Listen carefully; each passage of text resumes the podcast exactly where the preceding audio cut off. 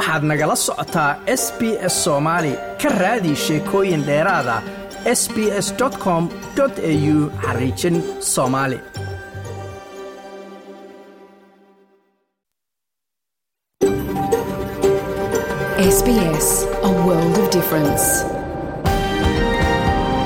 You're with SBS Somali on mobile, online, and on radio. Waxaad nagala socotaan s b s soomaali oo aad ka heli kartaan mobil online iyo rediyoga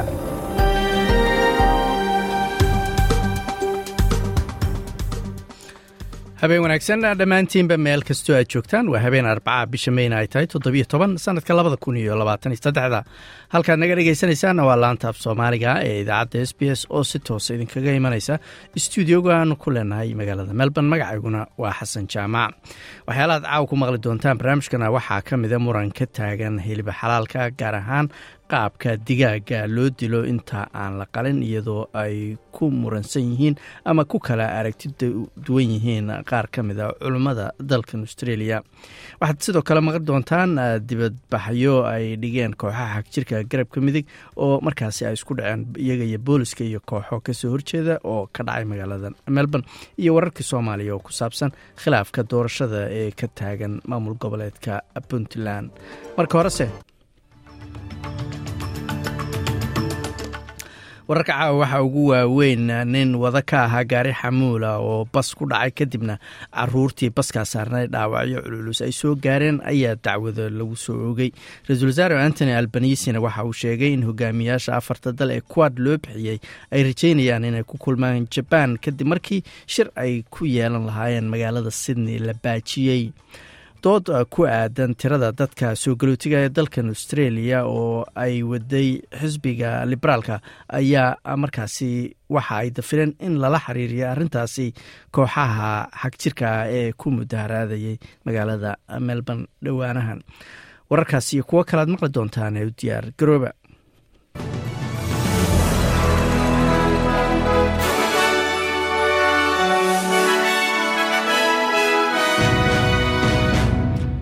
haddana waa warkii oo dhammaystiran. Darawalka gaari xamuulka qaada oo ayaa lagu soo oogayaa baa layidhi dacwo la xiriirta shil bas markaasi waday carruur iskuuley ah oo dhaawac culus uu ka soo gaaray caruurtaasi qaarkood toban caruura oo dhiganayay iskuulka hoose ee exford primary school ayaa dhaawacyo culus soo gaareen kadib markii baska oo waday afartan iyo shan caruura uu gadaal uga dhacay gaari xamuula kadibna baskii uu gadoomay ama qallimay. Sidaasna uu dhinaca dhulka u dhigtay shilkan ayaa dhacay shalay galabtii. Booliska ayaa nin afartan iyo sagaal jira ku soo oogay afar dacwo oo ay ku jirto inuu gaariga si khatara u waday sidaasna uu u sababay dhaawacyo khatara waxaana la filayaa in dacwooyin kale lagu soo ogo. Michael cruise oo ka tirsan booliska gobolka victoria ayaa sheegay in meesha shilku ka dhacay ay ahayd ama ay ku sugnayd jahawareer iyo naxdin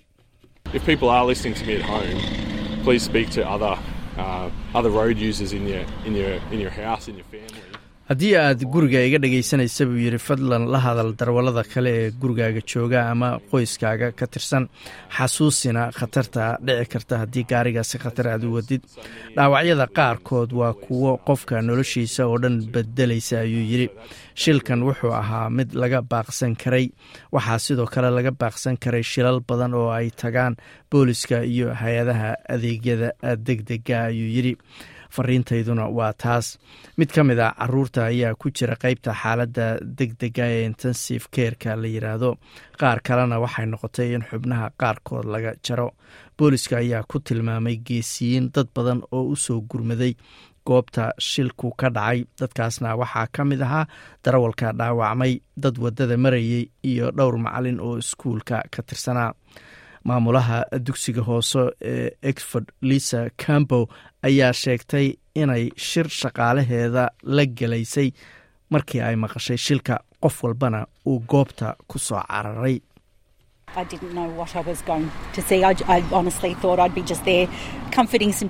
Ma ogeen waxa aan arki doona ayay tiri markaan goobta taga runtiina waxaan islahaa oo keliya. Caruurta yaryar ayaad niyadda u qabuujin doontaa waxaan mana filayn ayay tiri inaan arko waxa aan arkay waxaana rajaynayaa inaana weligay dambe arag ayay tiri ninkan ayaa maxkamadda la soo taagi doonaa ayaa layidhi bisha oktoobar siddeed iyo tobankeeda. Wasiiradda caafimaadka gobolka aan ku celiya halkaasi wasiiradda caafimaadka gobolka queensland ayaa la filayaa in xilka laga qaado kadib markii markaasi dowladda ama wasiirada gobolkaasi la isku qaso ama markaasi la kala bedelo. Wasiiradda caafimaadka eved da ayaa la kulantay premiyeerada gobolkaasi anastasia palashay ee shalay oo talaado ahayd waxaana loo sheegay in iyada iyo xeerlaalyaha guud la isku bedelayo dowladda ayaa cadaadis dhowaanaha waxa uu ka haystay sida ay ula dhaqanto ama wax uga qabato dembiyada dhallinyaradu galaan arrimaha caafimaadka iyo weliba kuwa guryaha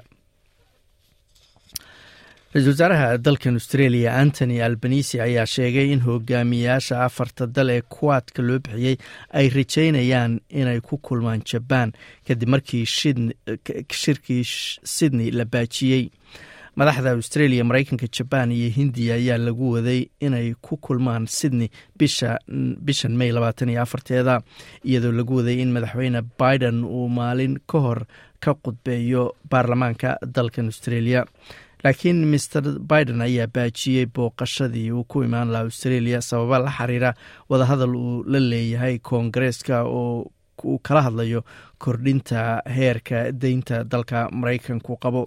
Si looga baaqsada la yiri masiibo dhaqaale oo markaasi wadanka ku iman karta haddii lagu heshiin waayo.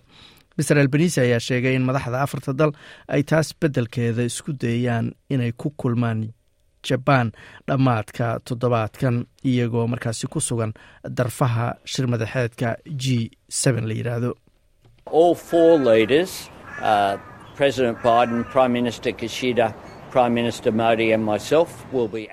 dhammaan afarta hogaamiye ayuu yidhi madaxweyne biden ra'iisul wasaare kishida ra'iisul wasaare modi iyo anigu waxaanu tegaynaa shir madaxeedka g oo lagu qabanayo hiroshima sabtida iyo axadda waxaanu isku dayaynaa inaanu darafaha shirka ku kulanno. Sidoo kalena aan wadahadal labageesooda la yeesho madaxweyne biden. Wakhtiga hadda la joogo ballan wakhti maanaan qabsan ayuu yidhi. Go'aankan xalay wakhtigeena australia ayaa la gaaray in shirka afarta dal oo ku qabsoomi lahaa magaalada sydney toddobaadka soo socda markaasi la baajiyo. Master albanisi ayaa sidoo kale sheegay in madaxweyne biden uu ku casuumay inuu booqdo dalka maraykanka oo booqasho rasmiya halkaasi uu ku tago dhammaadka sanadkan. Dhanka kalena ra'iisul wasaaraha dalka indiya narendri modi ayaa isagana la qorsheynayaa inuu shirkii sydney ka dhici lahaa. Toddobaadka soo socda uu sii wado uu sidiisii u yimaado australia. Halkaad weli nagala socotaan waa laanta af soomaaliga ee idaacadda s b s. Afhayeenka khasnada u qaabilsan xisbiga mucaaradka ee federaalka angus taylor ayaa dafiray hadalhaynta ah in dhaliishooda. Waa dhaliisha mucaaradka ee ku aadan barnaamijka soo galootiga dowladda. Ay la xiriirto falal ay dhowaan kooxaha naadsiyiinta cusub ka fuliyeen magaalada melbourne. Isbahaysiga ayaa wada ama markaasi wada dood ku aadan tirada dadka australia soo degaya ama soo gelaya kadib markii ay soo baxday in australia ay sii kordhin doonto dadka soo galootiga ee sanadkan imanaya. Dooda ayaa socota isla waqti toddobaadkii la soo dhaafay ay kooxo ka soo horjeeda dadka soo galootiga dibadbaxyo ku qabteen magaalada melbourne. Kooxahaasna waxaa ka mid ahaa xubno ka tirsan naadsiyiinta cusub new nazis dadka la yidhaahdo mar s b s ay weydiisay isagoo ka qodbeynaya national press club in isbahaysigu awood siinayo kooxaha faashisiyiinta angus taylor ayaa dafiray hadalkaasi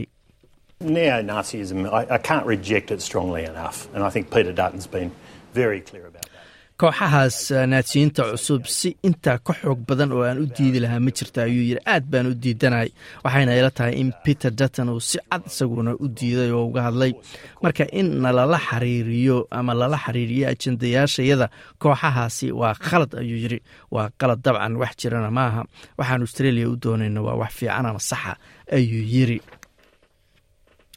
qaramada midoobey ayaa lacag gaaraysa laba dhibic lix bilyan oo doolar u doonaysa in lagu caawiyo dadka qulqulada dalka suudan ay saamaysay.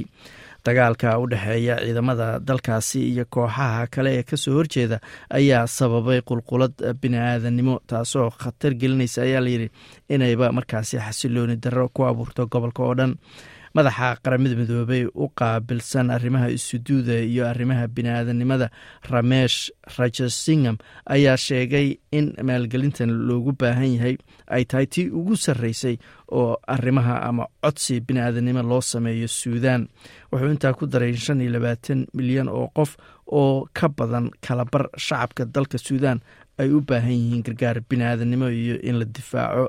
Siddeed iyo toban milyan oo dadkaasna ay baahi qabaan ayuu yiri.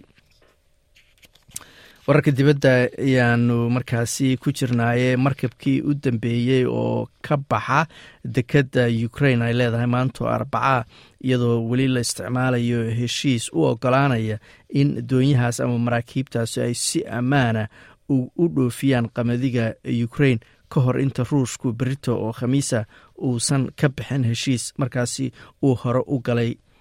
Moscow ayaa ku doodeysa inay jiraan caqabado ku aadan dhoofinta markaasi qamadigaasi iyo waxyaalaha lagu bacrimiyo beeraha ee dalalkaasi ay dhoofiyaan. Ka hor inta xal aan laga gaarin ayaa layidhi sidii loo cusboonaysiin lahaa heshiiskaasi. Qaramada midoobey iyo turkiya ayaa dhexdhexaadiyey heshiiskii loo bixiyey badda madow oo markaasi bilowgii la ogolaaday in boqol iyo labaatan maalmood bishii julaay sannadkii la soo dhaafay la dhoofiyo qamadigaasi. Si wax looga qabta ayaa la yiri dhibaatooyinka cunto yari ee caalamka ka jirtay taasoo ay uga sii dartay moscow markii ay weerartay ama ku duushay dalka ukraine moscow ayaa mar dambe ogolaatay inay sii dheerayso oo waqti ku soo darto ku sii dartay heshiiskaasi loo bixiyey badda madow ama black sea oo maalmood oo kale ay ku darto bishii novembar mar dambena bishii maars waxay ogolaatay in lixdan maalmood oo kale lagu sii daro balse waxa ay ku xirtay shuruudo la xiriira waxyaalaha beeraha ka baxa ee iyadu ay dhoofiso in markaasi la ogolaado hal cunug ayaa dhintay ayaa layidhi kadib markii askari boolisa oo loo shaqaaleeyey inuu difaaco ama waardiyo ka noqdo iskuul gaar loo leeyahay oo gabdhuhu dhigtaan oo ku yaalla waqooyi galbeedka dalka bakistan uu xabad ku furay baskii iskuulka oo carruurta ay saaran yihiin. Afar kale ayaa ku dhaawacantay ayaa layidhi caruurtii baskaa saarnayd. Kadibna waxaa baskaas oo waday ayaa layidhi ardayda iyo macalimiinta saraakiisha booliska ayaa sheegay in askarigan oo la yidhaahdo alam khan markiiba la qabtay oo la xiray. Maamulayaasha ayaase sheegay in toogashadan aysan la xiriirin weerarada mintidiintu ay qaadaan dalka ee dalka markaasi bakistan wararkii soomaaliyana puntland ayaa soo saartay waran lagu soo xirayo afar ka mid a siyaasiyiinta puntland oo lagu eedeeyey inay ka dambeeyeen weerar habeen hore lagu dilay askari ama askar ka tirsan markaasi ciidanka puntland. Xerilaalyaha guud ee gobolka ama maamul goboleedka puntland ayaa sheegay in ciidamada booliska lagu amray inay soo qabtaan afartan siyaasi oo kala ah. Wasiirka hore ee maaliyadda xasan abshir xasan shire abgaalan dhehe khadar cabdiraxmaan faroole oo ah ergeyga madaxweynaha xasan sheekh u qaabilsan arrimaha dhaqaalaha iyo siyaasi maxamuud shido iyo weliba maxamed jaamac faarax oo layser markaasi loo yaqaano. Saadaasha hawada berito oo khamiisa magaalada melbourne waa afar iyo toban digrii ayaa la leeyahay xooga rooba la filaya sidoo kale sydney roobab iyo weliba sideed iyo toban digrii halka australian dollar maanta waxaa lagu sarifayay lixdan iyo toddoba senti oo lacagta maraykanka ah halkaad nagala socotaan waa laanta af soomaaliga ee idaacadda s b s weli waxaa noo soo socda warbixin ku aadan dadka dadka daryeela oo laftigoodu markaasi daryeel u baahan. Marka horese waxaa soo baxay muran u dhexeeya kooxaha ama madaxda muslimiinta dalkan australia oo ku aadan siyaalaha shahaadooyinka loo siiyo goobaha lagu qalo hilib xalaalka inay waafaqsan yihiin shareecada islaamka iyo in kale. Kadib markii la ogaaday in qaar ka mid a meelaha lagu qalo ay markaas isticmaalaan sun lagu dilo digaaga ka hor inta aan la qalin. Warbixin gaaban waan ka diyaarinayna. Waatan muslimiinta australia ayaa cabsi iyo jahawareer soo wajahay kadib markii ay soo baxeen aragtiyo iskhilaafsan oo lagaga falcelinayo warbixin ka soo baxday golaha imaamada australia oo looga hadlayay hilibka xalaalka. Daraasad la sameeyey kadib golaha ayaa ogaaday in digaagga marka la dilayo gaas lagu furo inta aan la qalin kaasna aan la cuni karin marka la eego shareecada islaamka. Laakiin ururo kale oo muslimiinta matala ayaa sheegay in daraasaddan ay dhibaato leedahay kuwo dheeraad ahna loo baahan yahay. Hilibku wuxuu qayb muhiima ka yahay cuntada maalin walba ay cunaan qoysas badan oo muslimiina. Qoysaska muslimiinta sida jamiil awaad iyo xaaskiisa jumaan abdow waxaa sidoo kale aad muhiim ugu ah inay hubiyaan in hilibka qoyskoodu cunayo uu xalaal yahay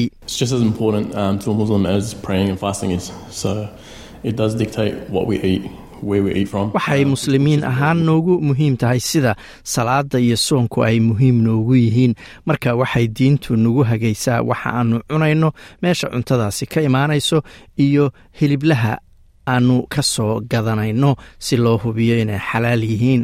Laakiin maxaad samayn lahayd markii ururka ugu weyn muslimiinta uu yidhaahdo digaaggii shahaadada xalaasha haystay oo aad cunaysay lagugu yidhaahdo hadda inuusan ba xalaal ahayn. Jumaan ayaa sheegtay in warbixintan ay iyada iyo dad badan oo kale gebi ahaanba ka argagixisay.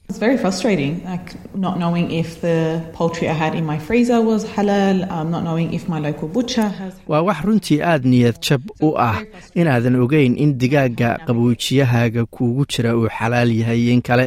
Inaadan ogeyn in hiliblaha xaafadaada uu digaag xalaalahayo iyoin kale. Marka waa wareer bay tiri mana hubo sida aanu uga dabaalanayno arrintan. Sida shareecada islaamka ku qoran dhowr arrimood ayaa loo baahan yahay in laga eego marka hilib la siinayo shahaado xalaal ama uu noqdo mid la ogol yahay in muslimiintu ay cunaan. Mid ka mid a arrimaha la eegayo waa in la hubiyo in neefka ama digaaggu uu nool yahay caafimaadna qabo marka la qalayo. Golaha qaran ee imaamada australia ayaa booqday kawaan ama warshad xoolaha lagu qalo halkaas oo ay ku fiiriyeen sida loo qalayo labaatan iyo sagaal digaagadood ibraahim daaduun oo golaha ka tirsan ayaa sheegay in kadib markay si taxadar la u eegeen sida loo qalo digaagga ama qaabka loo isticmaalo oo loo yaqaano control atmospheric stanning oo kaas loo soo gaabiyo oo ah in neefka ama digaagga gaas lagu suuxiyo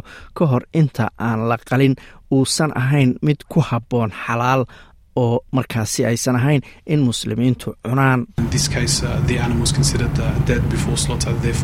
Kayskan xayawaankii waa uu dhintay ka hor inta aan la qalin. Sidaas darteedna lama ogola in la cuno oo xalaal ma ah ayuu yidhi. Laakiin moxamed trad oo ka tirsan australian federation of islamic councils oo ah urur isaguna bixiya shahaadooyinka hilib xalaalka oo ka yimaada kawaanada isticmaala nidaamka kaas ayaa sheegay in go'aanka golaha imaamadu uusan ahayn mid si fiican looga baaraandegay oo ku filan in xalaal ma ah la yidhaahdo xoolaha ama digaagga nidaamkaasi lagu qalo.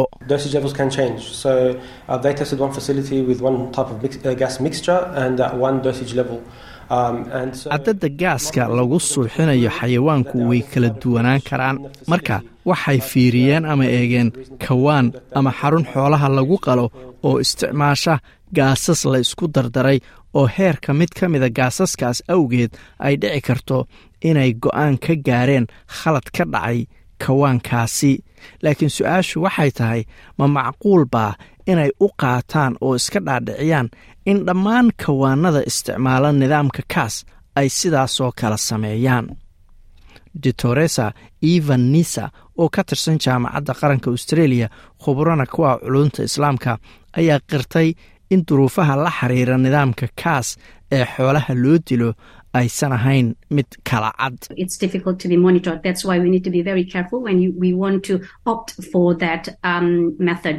Way adag tahay in lala socdo waana sababtaas tan ay tahay inaan taxadar dheeraada muujinno marka la dooranayo qaabkan suuxinta xayawaanka ayay tiri. Waxaa dalka oo dhan ku yaalla boqolaal kawaano hilibka lagu qalo oo ku faana ama haysta shahaadooyin xalaalah oo ay ku dhejiyaan derbiyada xaruntooda. Laakiin daraasaddan wareer kuma abuurin oo keliya macaamiisha ee waxay sidoo kale kawaanleyda ku abuurtay laba daran mid dooro. Maxamed trad ayaa sheegay in lagu qarqiyey telefoonno loo soo diray wixii ka dambeeyey markii warbixintani ay soo baxday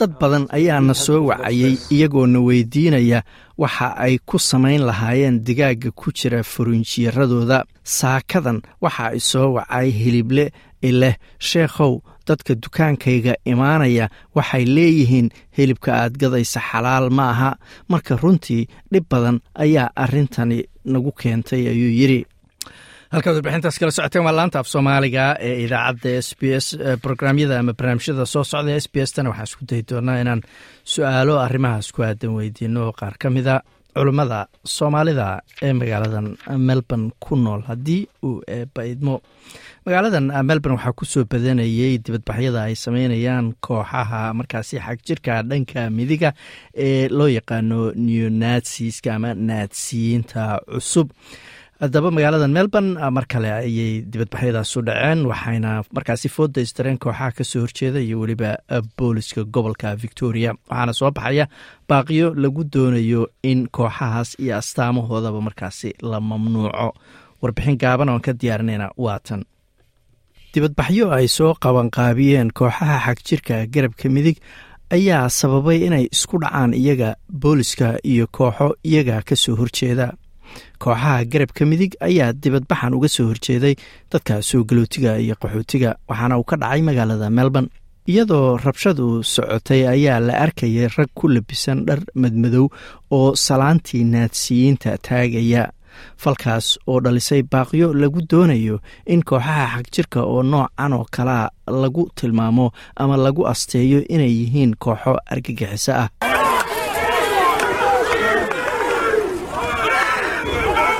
dibadda hore ee aqalka baarlamaanka victoria ayay koox wejigu u qarsoon yihiin oo ku labisan dhar madow oo taagaya boor ay ku qoran yihiin astaanta shabakadaha kooxaha xagjirka garabka midig oo ku dhawaaqayay halkudhegyo naadsinimo ah. Sidoo kalena taagayay salaantii naadsiinta. Xubno ka mida koox ka soo horjeeda cunsuriyadda iyo faashiistaha ayaa sidoo kale goobta joogay iyagoo ku dhawaaqayay halkudhegyo ah qaxootiga waanu soo dhoweynaynaa laakiin ma soo dhoweynayno naadsiyiinta. Iyagoo fooda ku haya ama iridda ay isu taagan yihiin iyaga iyo kooxda naadsiyiinta cusub.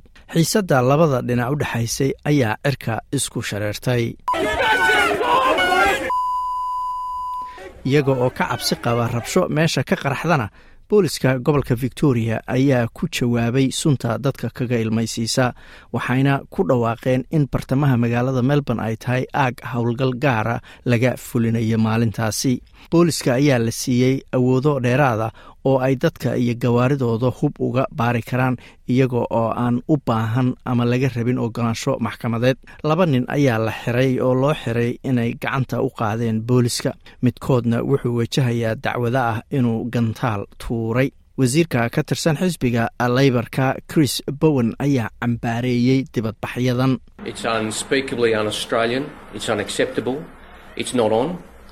waa wax aan erey lagu soo koobi karin waa waxaan la aqbali karin.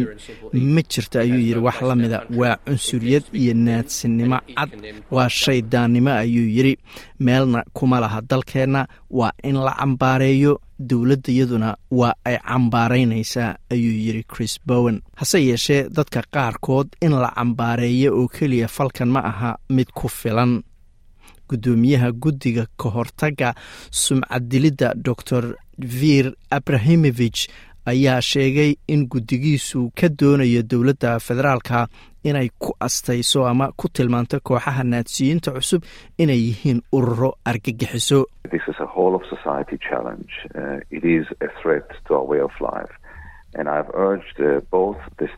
arrintani waa caqabad bulshada oo dhan u taalla waa mid khatar ku ah qaab nololeedkeenna waxaana ku boorinayaa dowladaha gobollada iyo tan federaalka inay eegaan buunbuuninta fikradaha naadsiyiinta. Waxaana sannado badan aaminsanaa oo weli aaminsanahay in kooxaha gaar ahaan kuwa naasiyiinta cusuba loo baahan yahay in lagu sunto ama lagu asteeyo inay yihiin kooxa argagixiso. Sidii kooxda ista iyo ururo kale loogu asteeyey inay yihiin argagixiso. Sababtoo ah ayuu yidhi ugu dambaynta ujeeddadoodu waa inay dimuqraadiyadda ku beddelaan fikrad ah cadaanka dadka ka sarreeya. Waa cadaanka marka laga reebo dadka yuhuudaye gobollada intooda badan ama way mamnuuceen ama waxay wadaan qorshe ay ku mamnuucayaan astaamaha naadsiyiinta.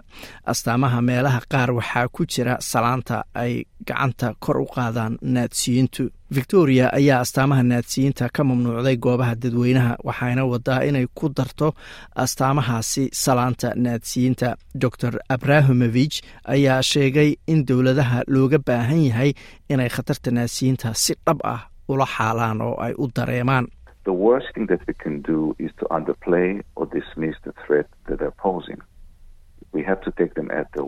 waxa ugu xun ee aannu samayn karno waa inaynan waxba ka soo qaadin ama iska indhatirno khatarta naadsiyiinta. Waa inaannu hadalkooda dhab ahaan u qaadanno. Waa ka dhab waxa ay leeyihiin.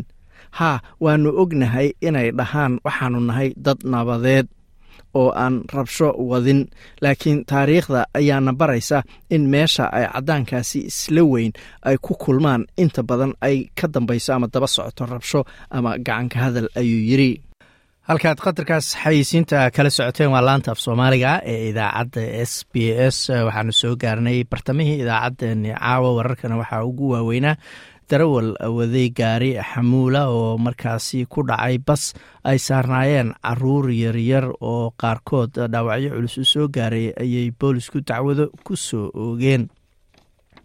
Ra'isul wasaaraha dalkan australia antony albanisina waxa uu sheegay in hogaamiyaasha afar dal afarta dal ee kuwad loo bixiyey ay rajeynayaan inay ku kulmaan jabaan kadib markii shir lagu waday inuu ka dhaco magaalada sydney markaasi la baajiyey xisbiga liberaalkuna waxa uu dafiray in diidmadooda ama dhaliilahooda ay uga soo horjeedaan tirada badan ee dadka soo galootiga la filaya dalkan australia inay yimaadaan inay la xiriirto kooxaha dhanka midig ee markaasi magaaladan melbourne dhowaanahan ku mudaharaadayay oo ka soo horjeeda dadka soo galootiga weli waxaa noo soo socota warbixintuu noo soo diray waryahayaga soomaaliya oo ku aadan muranka doorashada puntland marka horese dadka iyagu dadka xanaaneeya ama daryeela ayaa mararka qaarkood waxaa laga yaabaa bali laftigoodu inay daryeel u baahdaan.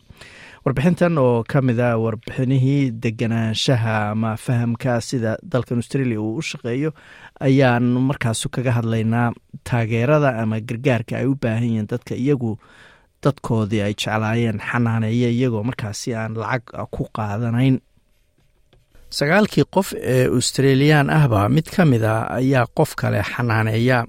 Dadka daryeela waayeelka da-da oo ay qaraabo yihiin ama saaxiib yihiin ama qof qaba xaalad caafimaad ama naafo ah. Laakiin inta badan qaar badan oo dadkaas ka mid ah isumaba haystaan inay yihiin xanaaneeye ama daryeele.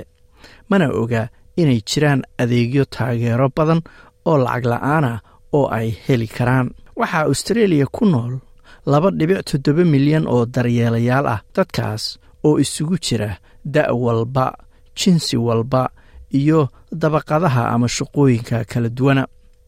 Laakiin midda ay ka midaysan yihiin waa inay ka go'an tahay inay caawiyaan qof ay yaqaanaan oo u baahan taageero ama caawimaad So a carer is not usually a role that someone applies for, but instead will often inherit marka quite suddenly daryeele ma aha inta badan shaqo qofku codsado ee waa mid qofku inta badan dhaxlo oo si lama filaan ah oo duruufo aan la saadaarin karin ku dhaca xanuunsada oo kale. Taasi waxay ahayd bati kikos oo dadka kala talisa xanuunada dhimirka. Khibrad badanna u leh arrimahaasi sidoo kalena ah shaqaale bulsho ama social worker iyada oo lafteeda la daryeelay miss kikos ayaa sidoo kale sii daysa ama daabacda bodkast oo ah barnaamij coda oo la duubo kadibna internetka laga dhagaysto oo loo bixiyey carer conversations podcast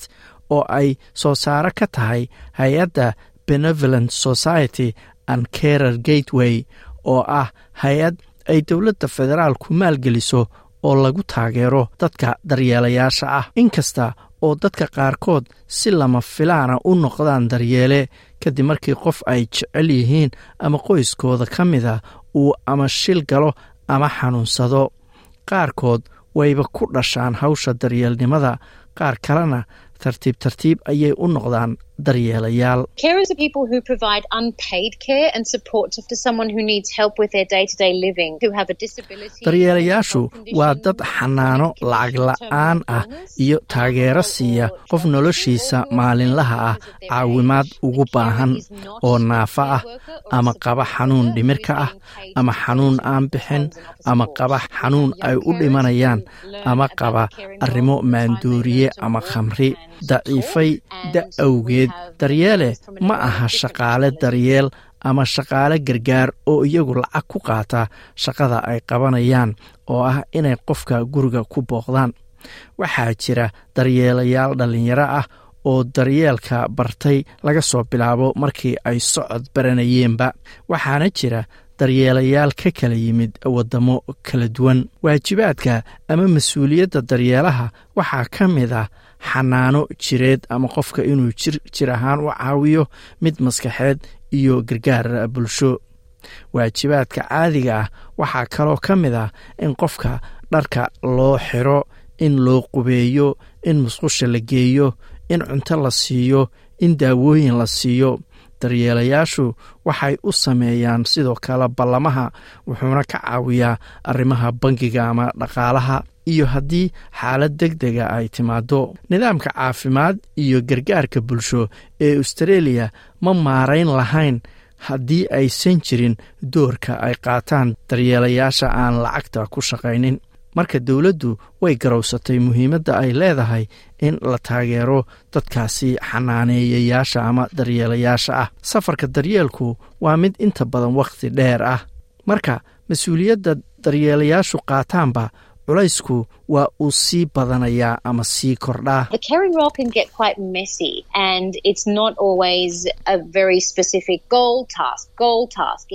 Shaqada daryeelku waxay noqon kartaa mid dhib badan. ma aha mid yool ama howl cayiman ah. inta badan waa mid ah maxaa dhacay maanta? qofkii sariirtii ayuu qooyey qof baa xanuunsaday. Ma waxaan geeyaa dhakhtar mise cisbitaalka marka waa inaad mar walba beddesho jadwalkaaga. Inaad si joogto ah isugu qaybiso daruufaha aan la saadaalin karin oo nolosha daryeelaha hadba badbeddesha sidoo kalena qaabka qoyskana beddeli karta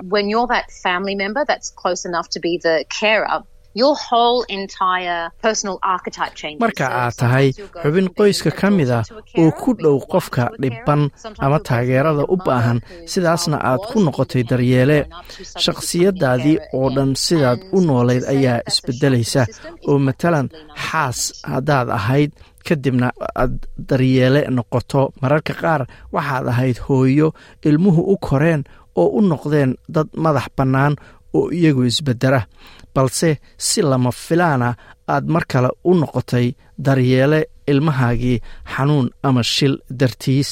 Daryeelayaal badan ayaan xataa garowsan inay laftigoodu daryeele yihiin. Marka waxay dafiraan caqabadaha ka imaan kara daryeelka waxaa dhici karta inaysan la socon adeegyada jira oo ka caawinaya sida ay u maarayn lahaayeen cadaadis maskaxeed dhibaatada dhaqaale iyo go'doomidda bulsho iyo weliba culayska shaqadani leedahay. Qaarkood waxaa dhici karta inay xaq u leeyihiin gunnooyin labadii toddobaadba la bixiyo iyo gargaar kale oo ay bixiyaan hay'adaha services australia centerlink my age care iyo n d i s gunooyinkan ayaa u dhigma lacagaha la siiyo dadka howlgabka ah laakiin waxay ku xiran tahay duruufaha qofku markaasi uu ku sugan yahay maadaama taageeradan lagu cabiro ama lagu qiimeeyo hadba dakhliga qofka soo gala. Hantida uu haysto qofka daryeelka loo fidinayo iyo kan daryeelaha ah. Hase yeeshee waxaa sidoo kale jira adeegyo ay heli karaan daryeelayaasha oo aan ku xirnayn dakhliga ama hantida qofka. Waxaa adeegyadaasi aad ka heli kartaa hay'adda carer gateway.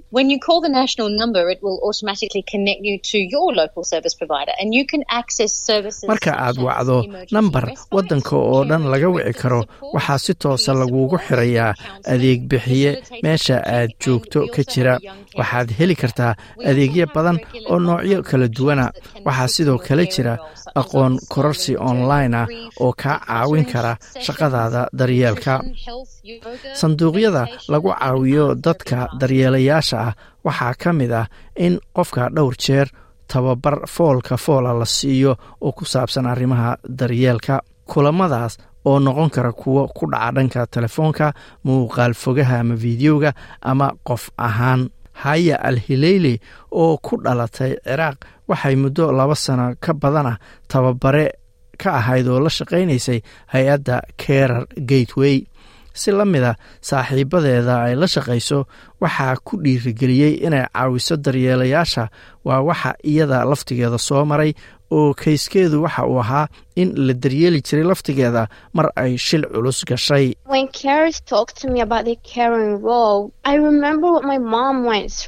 Marka daryeelayaashu igala hadlaan hawsha daryeel ee ay hayaan waxaan soo xasuustaa wixii hooyaday soo martay. Adeega carer gateway shaqadeedu waa mid lagu caawinayo dadka daryeelayaasha oo keliya. Waxaa jira adeegyo badan oo ay heli karaan dadka ay xanaanaynayaan sida my age care iyo n d i s. Laakiin carer gateway waxay diiradda saartaa oo keliya daryeelayaasha laftigooda oo ah arrin mararka qaarkood ay adag tahay in xataa daryeelayaashu ay fahmaan sababtoo ah inta badan diiradda waxay saaraan qofka ay daryeelayaan. Marka way ku cusub tahay markii intuu qof u yimaado uu ku yidhaahdo maxaa adiga laftigaaga muhiim ku ah daryeelo ahaan ama maxaad adigu rabtaa? Sanduuqa carer gateway waxaa kaloo ku jira gargaar la taaban karo sida in daryeeluhu fasax deg dega qaato gargaarka gaadiidka iyo weliba naafada. Fikradda ka dambaysa waa in laga caawiyo qofka daryeelaha inuu ka hortago inuu ka daalo shaqadan oo daal badan markaasi uu galo oo la siiyo nasasho. Dadka daryeela qaraabo waayeel ah waxay macluumaad fara badan ka heli karaan australian carers guide oo ah joornaal saddex biloodla ah oo loogu talagalay daryeelayaasha aan lacagta qaadan ee lacag la'aanta ku shaqeeya. Paul kuuri ayaa sheegay inuu bilaabay joornaalkan kadib markuu isaga laftigiisu dareebay inuu lunsan yahay oo markaasi uusan macluumaad badan iyo ciduu la xiriira haysan markii uu daryeelayay waalidkiisa oo da ahaa waxaad gelaysaa adduun dhan adoon haysan ama ogeyn waddada aad marayso. joornaalkan ayaan soo saarnay sababtoo ah daryeelayaashu ilaa wakhtigaas waxay dareemayeen inaan balla arag oo aan loo mahad celin oo la dayacay. Beti kikos ayaa ku raacday iyadoo sheegtay inaad qof la hadasho ay muhiim u tahay fayoobida daryeelaha. Haddii daryeelayaashu aysan haysan bulsho taageerta oo iyagu khibrad u leh waxa ay daryeelayaasha ama xanaaneeyayaashu la tacaalayaan way adag tahay markaas. waa inaad isku wareejiso dad khibraddaada oo kale leh.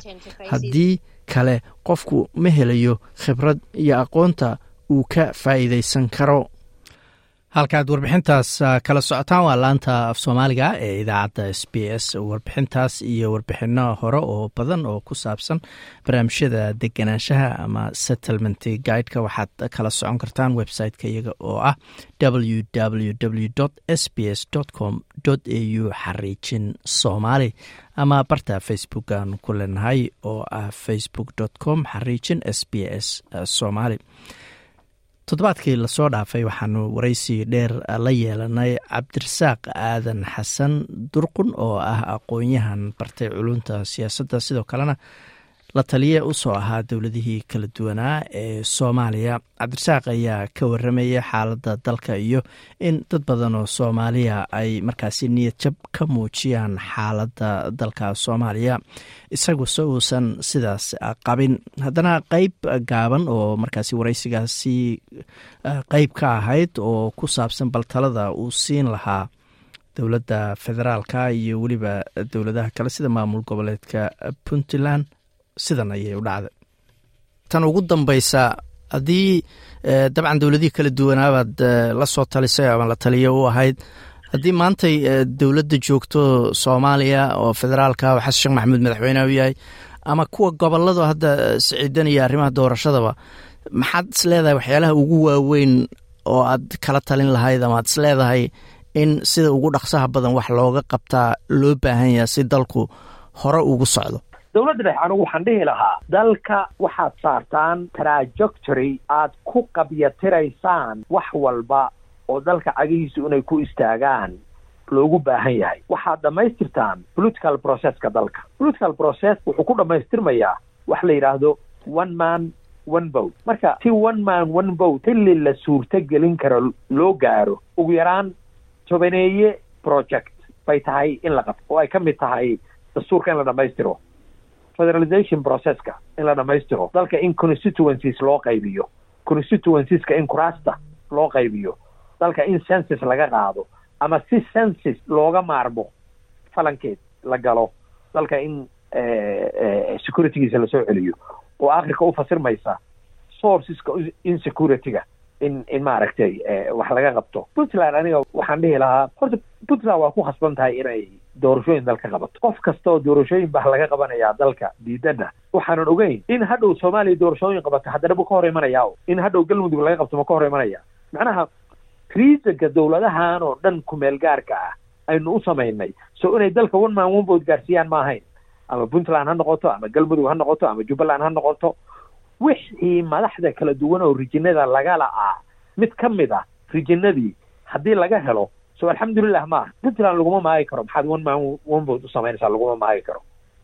Laakiin haddii madaxweynuhu si baas oo qaxriya oo uu ku shubanayo oo dadka kale ku xoogayo u samaynayo waa laga celin karaa. Aniguna weli ma garaysni inuu si uu xoogayo u samaynayo ma garays laakiin the appearance of it waa jiri kartaa. Waa jiri kartaa the appearance of it.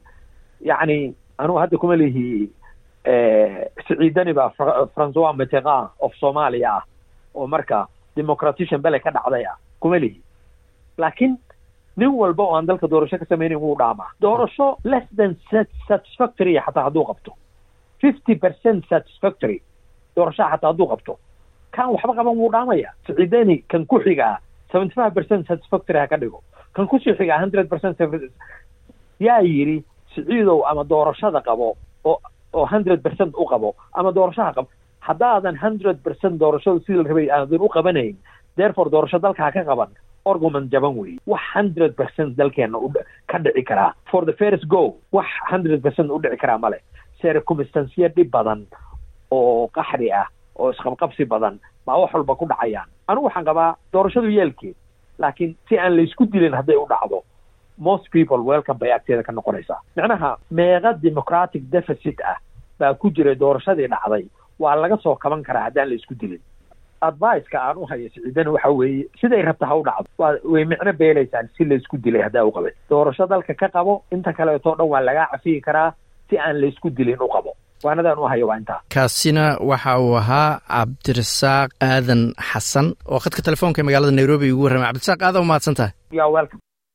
Haddana waa warbixintii uu noo soo diray waryahayaga magaalada muqdisho iyada oo shan iyo labaatanka bishan mey loo ballansan yahay in maamulka puntland uu qabto doorashada golayaasha deegaanka ee dowlad goboleedkaasi oo qof iyo cod ah. Ayaa dhanka kale waxay u muuqataa in uu sii xoogaysanayo khilaafka ka dhashay doorashadan oo ay diidan yihiin. Siyaasiyiin fara badan oo puntland ka soo jeeda kuwa oo ku doodaya in horaanta sanadka ka uu dhammaanayo wakhti xileedka madaxweynaha puntland. Sidaa darteed aysan xilligan macquul ahayn in doorasho qof iyo cod halkaasi lagu qabto. Shir laba cisho uga socday magaalada garowe garowe ee xarunta maamulkaasi siyaasiyiinta mucaaradka ah ee la baxay madasha siyaasiyiinta ee puntland islamarkaana aqadka fogaan aragga ay uga qayb galeen siyaasiyiin dalka dibaddiisii ku sugan. Ayaa ugu dambayntii waxaa laga soo saaray warmurtiyeed dhowr qodob ka kooban oo nuxurkiisa uu ahaa in la joojiyo doorashooyinka ay waddo xukuumadda puntland ee qofii codka ah si aysan u sababin dagaal iyo qalalaase iyagoona eedeeyey madaxweynaha maamulkaasi siciid cabdulaahi deni. Siyaasiyiinta puntland waxaa ka go-an in laga guuro hanaankii doorashooyinka ee ku salaysnaa beelaha oo ay puntland ku soo dhaqmaysay shan iyo labaatankii sano ee ugu dambeysay loona guuro hanaan dimuqraadiyadeed oo loo siman yahay si waafaqsan dastuurka dowladda puntland qodobada afartan iyo afraad afartan iyo shanaad afartan iyo lixaad iyo afartan iyo toddobaad.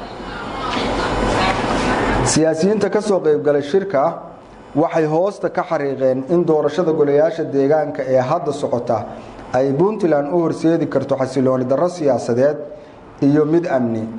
Shirku wuxuu garwaaqsaday in madaxweyne siciid cabdulaahi deni uusan lahayn dhaqan dimuqraadiyadeed laguna aamini karin geedi socodka dimuqraadiyadda puntland. Shirku wuxuu yaqiinsan yahay in gobollo iyo degmooyin muhiim u ah ay ka maqan yihiin doorashada golayaasha deegaanka puntland taas oo kala dhantaalaysa midnimada shacabka xadgudubna ku ah dastuurka dowladda puntland qodobkiisa toddobaad. Shirku wuxuu ka walaacsan yahay in doorashada golayaasha deegaanka ay iska horkeenayso beelaha walaalaha ah ee puntland wada dhistay isla markaasna ay turaanturo ku tahay gurmadka shacabka puntland ee xoreynta iyo difaaca gobolka sool war-saxaafadeedka ka soo baxay madasha siyaasiyiinta ee puntland ayaa sidoo kale lagu dalbaday in la joojiyo wax kabeddelka dastuurka si aysan u imaanin khilaaf kale. Shirku wuxuu ku baaqayaa in la joojiyo furidda iyo wax kabeddelka dastuurka dowladda puntland maadaama hay'adaha fulinta iyo sharci dejinta xilhayntoodu gabaabsi tahay islamarkaasna aanay ka tarjumayn baahiyaha shacabka puntland. Horey waxay xukuumaddu u diiday wax kabeddelka dastuurka iyadoo ka eegaysa danaheeda gaarka ah. Saddex shirku wuxuu ku baaqayaa in doorashada golaha wakiilada iyo madaxweynuhu ay ku dhacaan waqtigoodii dastuuriga ahaa ee loo asteeyey shirku wuxuu garwaaqsan yahay iskuday kasta oo muddo kororsi ah inuu keeni karo cawaaqib xumo siyaasadeed iyo mid amni oo aan la mahadin doonin. Dhanka kale siyaasiyiintan madasha siyaasadda ee puntland ayaa waxa ay ugu dambayntii baaq u direen dowladda federaalk ee soomaaliya inay faragelinta siyaasadeed iyo hadallada xanafta leh ay ka dayso puntland iyagoona sheegay in ay puntland isaga filan tahay xalka khilaafka dhexdeeda yaalla siday yidhaahdeen. Waxaa la wada ogsoon yahay kaalintii hormuudka ahayd iyo doorkii shariifka ahaa ee dowladda puntland ka soo qaadatay dowlad dhiska soomaaliya iyadoo u hurtay naf iyo maalba. Waxaan u sheegaynaa hoggaanka dowladda federaalk ee soomaaliya in shacabka puntland ay ku filan yihiin xallinta ismaandhaafka doorashada la xiriirta oo aan loo baahnayn faragelin siyaasadeed iyo hadallo xanaf leh sidoo kale shirku wuxuu uga digayaa in madaxweyne siciid cabdulaahi deni u adeegsado khilaafka dowladda federaalka olole siyaasadeed. Cambaarayn. Shirku wuxuu si adag u cambaaraynayaa hadalkii sharciga baalmarsanaa ee ka soo yeeray taliyaha ciidanka booliiska puntland kaas oo looga gol ahaa xaalad abuur iyo in lagu bannaysto weerarka isimada iyo siyaasiyiinta puntland laguna xalaalaysto dhiigooda iyo hantidoodaba. Hadalkaas oo tusaale cad ka bixinaya muuqaalka dhabta ah ee madaxweyne siciid cabdulaahi deni. Arrintan khilaafka u dhexeeya maamulka puntland iyo siyaasiyiinta ka soo horjeeda ayaa waxay sababtay in gacanka hadal uu ka dhaco magaalada garoowe gaar ahaan agaarka garoonka diyaaradaha ee magaaladaasi dagaalkan oo la sheegay inuu ka dhashay khasaare ayaa waxaa habeen ka hor isku fara saaray ciidamo gelbinayay agabka doorashada golayaasha deegaanka iyo ciidamo taageersan siyaasiyiinta mucaaradka ee puntland waxaana halkaasi ka dhashay khasaare dhimasho iyo dhaawacyo soo kala gaaray labada dhinac dowlad goboleedka puntland ayaana ku eedeeyey dagaalkaasi inay ka dambeeyaan siyaasiyiinta mucaaradka ah oo ay sheegeen in dowladda federaalk ee soomaaliya ay garab ka helayaan wasiirka arrimaha gudaha ee maamulkaasi puntland cabdifaarax siciid juxa oo la hadlay warbaahinta ayaa waxa uu sheegay in weerarkaasi ay ka dambeeyeen siyaasiyiinta mucaaradka ee u adeegaya sida uu yidhi madaxweynaha soomaaliya waxaana intaa raaciyey in doorashada puntland ay dhici doonto waa doorasho deegaan oo afar boqol oo kun oo ruux in ka badan ay isku diiwaangeliyeen ayaa uu yidhi. Afar ruux oo isku jufo ah islamarkaana magaalada garoowe iyagu jooga go'aan kama gaari karaan ayaa hadalkiisii ku sii diray wasiir juxa siyaasi axmed jaamac jawle oo ka mida siyaasiyiinta taabacsan dowladda iyo doorashada golayaasha deegaanka ee maamulkaasi ee qofii codka ah ayaa ku eedeeyey siyaasiyiin uu sheegay in ay gudaha dalka iyo dibaddiisii isaga yimaadeen duminta dowladda puntland iyo carqaladaynta doorashada qofii codka ihii islamarkaana dhaqaale ku soo qaatay taasi oo uu sheegay in aan la aqbali karin. Dowladda puntland waad la wada socotaan sanooyinka u dambeeyey waxay hiigsanaysa nidaamka qof iyo cod oo dimuqraadiyadda ah waa nidaam aada loo soo dhaweeyey loona bogaadiyey. Waana uga mahad celinayaa shacabweynaha reer puntland sida mugga iyo miisaanka leh ee dowladooda u garab istaageen ugana qeyb qaateen ilaa diiwaangelintii ilaa haddeeroo diyaar loo yahay shan iyo labaatanka may inay doorashadu si ballaaran uga dhacdo guud ahaan puntland ilaa gobollo gaara oo arrimaha colaada dartood aysan waxba uga dhici karin. Sidaa daraaddeed waxaan arkayay garoowe oo rag isugu yeerteen diyaarado soo raaceen meelo badan ka yimaaday oo leh puntland yacni haddii aan maaragtaa doorashadan laga joojin dimuqraadiga ah dagaalada dhacaya colaado ku baaqayay buuq ka abuurayay waxaanu leenahay nimankaa siyaasiyiinta oo badanaa ka soo jeeda. Dadku gobol gobol ayay ka soo jeedaan gobollada bari iyo gobollada mudug goboladiina dib ugu laabta. Siyaasiyiin goboladiina dib ugu laabta maxaa yeelay gobolka nugaal uma baahna amni daro uma baahna khalkhal siyaasadeed uma baahna culays haddii aad tihiin siyaasiyiin wax diidan ama dhaliishan ama araahdooda soo gudbinaya nin walba gobol ayuu ka soo jeedaa. Gobolkiisa ha tago ha ka abaabusho wuxuu ka abaabulan lahaa. Laakiin annagu uma dulqaadan karno kumana fiirsan karno in maaragtaa gobolka nugaal lagu baaqo colaado loogu baaqo amni daro laga wado sharar qallalaaso lagu abuurayo. Waxaan ugu baaqaynaa siyaasiyiinta ka kala yimid gobollada mudug iyo bari in hadday si nabadgelyaha ku joogayaan gobolkan ay ku joogaan haddii ay qas iyo xaalad abuur iyo amni darre ay rabaan inay abuuraan hadda goboladoodii dad baa ku noole goboladooda dib ha ugu laabtaan waxaan aaminsanahay inaysan ku dhicin inay intay mudug iyo bari tagaan ee waxaas maaragta ka samayn karaan. Waxgaradka iyo culimaadudiinka ka soo jeeda maamulkaasi puntland ayaa ku baaqaya in arrintan khilaafka labada dhinac wadahadal lagu dhammeeyo mid ka mid ah culimaadudiinka ugu caansan magaalada garoowe iyo deegaanada puntland ayaa u sheegay siyaasiyiinta iyagoo isku haya magaaladaasi iyo guud ahaanba puntland inay u naxaan shacabka halkaasi ku dhaqan islamarkaana laga baaqsado dagaal halkaasi ka dhaca intaas ka gadaal siyaasiyiinta ishaya ilaahay ka cabsada kulligood inay kursiga waayaan ama cidda hadda joogto ha noqoto ama kuwa u hanqaltaagaya ha noqotee inay kulligood waayaan waxay dhaantaa hal qof oo muslima dhiiggiisa in la daamo qof in lagu dhaawaco. Oo cid kaloo iyadoo hadda shidaba aan ku jirin kursiga ilaahay siiyo. Maxaa yeele qof muslima dhiiggiisa in la daadiyaa wax sahlan maaha. Amniga khalkhal in la geliyaa wax sahlan maaha arrintaa waa inay fahmaan. Waxaa jira waxbaa la ysku hayaa waxa la ysku hayaa waa kursigaas wax kale maaha arrinta waa in la xalliya. Waxaan maqlay waxa ugu badanoo laysku hayo waxa weeye maa bacdaha wax hadda loo bixiyey. Doorashada maxaa ka dambaynaya? Waa inay caddaha waa in laga wada hadlo. Wixii awal wax ku socdeen haddii wax laga bedelay waa inaysan dhib keenin.